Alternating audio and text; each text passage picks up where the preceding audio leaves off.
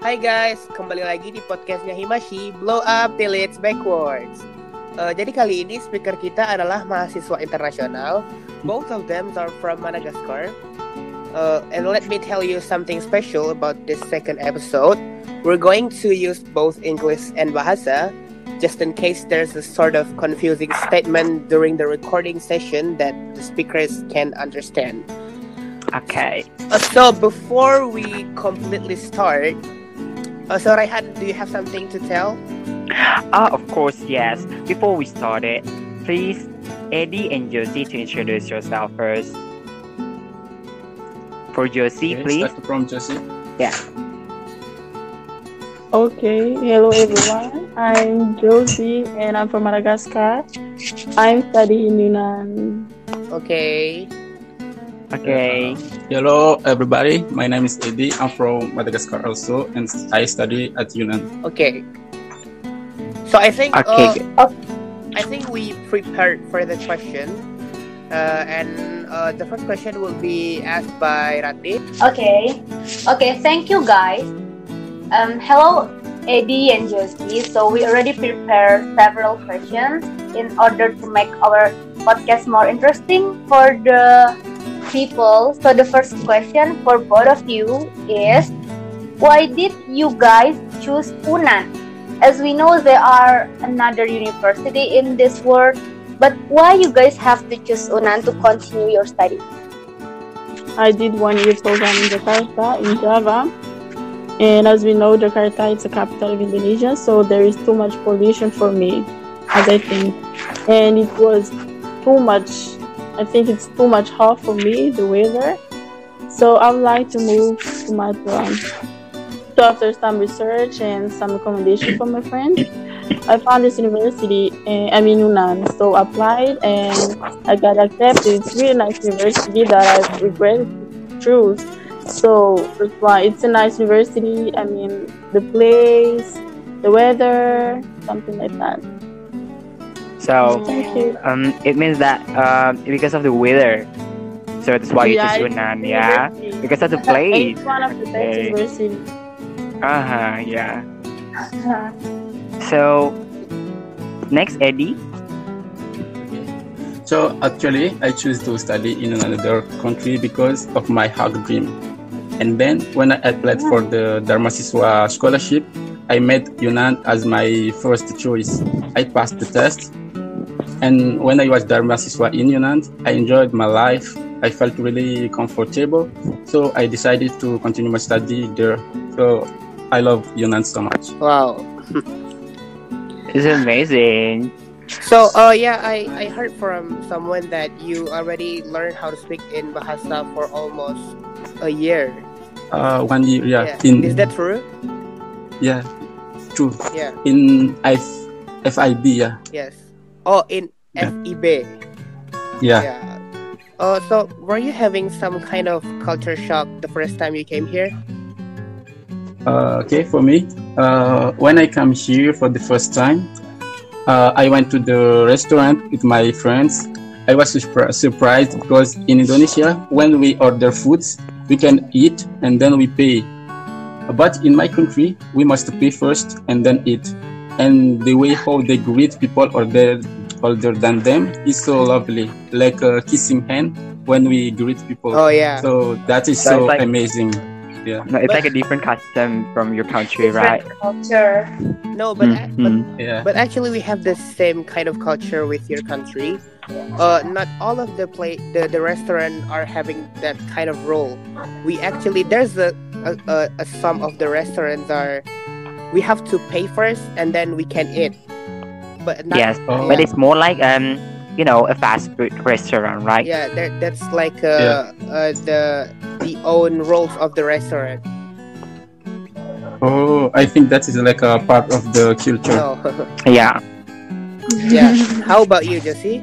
Oh, as my experience, uh, I think it's a culture shock for me. It was about the people. Like, um, they're so friendly. They would like to know a lot of things about you, asking where you're from, what you're doing here. But sometimes I feel like they're asking some private questions and it shocked me a lot. And it happens to me not one time. So do you mean that it's like a private questions for you? Yeah, for me, but for them, it's like something usual. It's something normal. Mm-hmm. So, yeah, maybe maybe in Indonesia, if um we ask about mm, a re- you know uh, something, yeah, religion, maybe it's not a really private questions in Indonesia, but maybe for uh both of you, maybe it's private, right? Yeah, that's that's the culture shock because it's different from my country. There's the Mhm. question that you're not supposed to ask. If in my country Okay. it's something weird, but here Mhm. it's something normal. So that's Yeah, the thing that shocks me a little bit. that's very normal in Indonesia. But nowadays we we try to not ask that kind of question because there's a Yeah. lot of international Yeah. international people go abroad and there's a lot of international people around here. So we're trying to blend in. So is it really different the culture in Madagascar and Indonesia from what I heard, right? Uh, it's not really different. There is a similar culture, but as Mm. Madagascar, it's a non-Muslim country, and here it's Muslim country that made it different. Mm, yeah. That's already what known makes it- Yeah. Kind of different. Yes. Okay. So, um, Josie and Eddie. So, uh, we know that uh, we are now uh, amid uh, by you know a pandemic, you know COVID nineteen. So, how do you spend your days in asrama during this pandemic? So, from Josie. Okay, for myself, uh, it's been a long time that this pandemic happened in the country, and Mhm. we have to survive, especially for us. Far from our country, we have to survive in someone's country. So during Yeah. the period of COVID nineteen, as we know, it's not really Yes. easy at all to survive. Especially, you have to stay home. And like Mhm. I have some students from the same country as me in this university, so we're trying to spend time together, uh, doing some sport like we play basketball and some Mhm. games.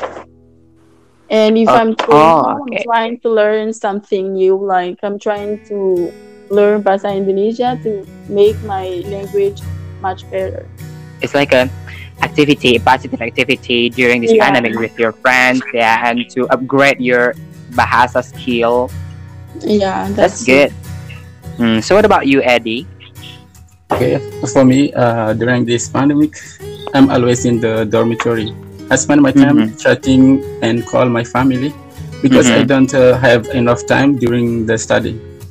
I play online games with my roommate, watch Mhm. movies, and sometimes we go to the hometown, shopping and something else. Oh, Shopping. Yeah, Where are you going shopping here? in um, Transmart, Suzuya, Ah. and Plaza Andalas. Oh, that's nice. Okay, so uh, that's that's kind of so you you don't have a really uh, trouble with the activities during this pandemic. Just just run as usual, right? Yeah, but sometimes I'm I'm boring. Yeah, yeah Bored? sometimes you get bored with uh, Yeah. you know the same activity every day. Yeah. So based on that answer, I feel like this pandemic really disturbed our daily life, right, guys? Yes. So we hope the vaccine um, can be found. Yeah, but life must going on. And when we talk about this, I I want to know how you guys get the scholarship into Unand and the education in Indonesia. Can you guys please tell us about these things? Actually, I had uh, I had uh, good contact with uh, my friend, and he studies at uh, uh, Lampung University actually, and uh, it Mm. was he who Sorry? suggested parent for this scholarship, and we were interested. Then when I saw Unand ranking, uh, I was like, uh, why not? So let's do it. oh. So you're not the first person who came to Indonesia for studying.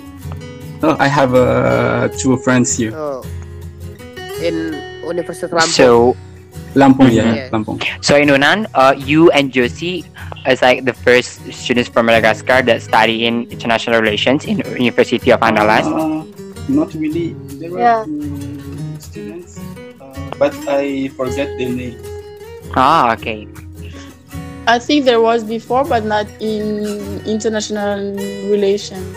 In the other major. Oh, in another major. Okay. Okay, I see. So I want to know the the scholarship is from your government or can you Indonesian please government. explain more?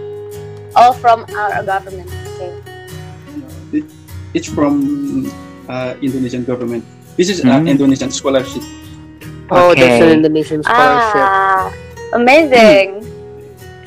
So, I really want to know uh, something special about your country, about your hometown. Tell us something cool about your hometown. Maybe start with Josie. You mean something cool in my country? Yeah. What, Yeah. What, what's Or something cool that your country have. yes. There Tell are a lot. Wow. There are a lot of good places. Uh-huh. Uh, a Can you lot tell us some of them? Um, there's a lot of mountains that you can visit, and the people they are really, really friendly. They're harmful. They're very nice, Mm-hmm. especially when they know that you're from other country. They will treat you like really, really good to make you feel home. Okay. okay? And what about that's you, Eddie? nice. Mm-hmm. Madagascar is a beautiful island, and there are many places for traveling and enjoying your moment. And you can find everything in there. So really, I heard that Madagascar has beautiful beaches.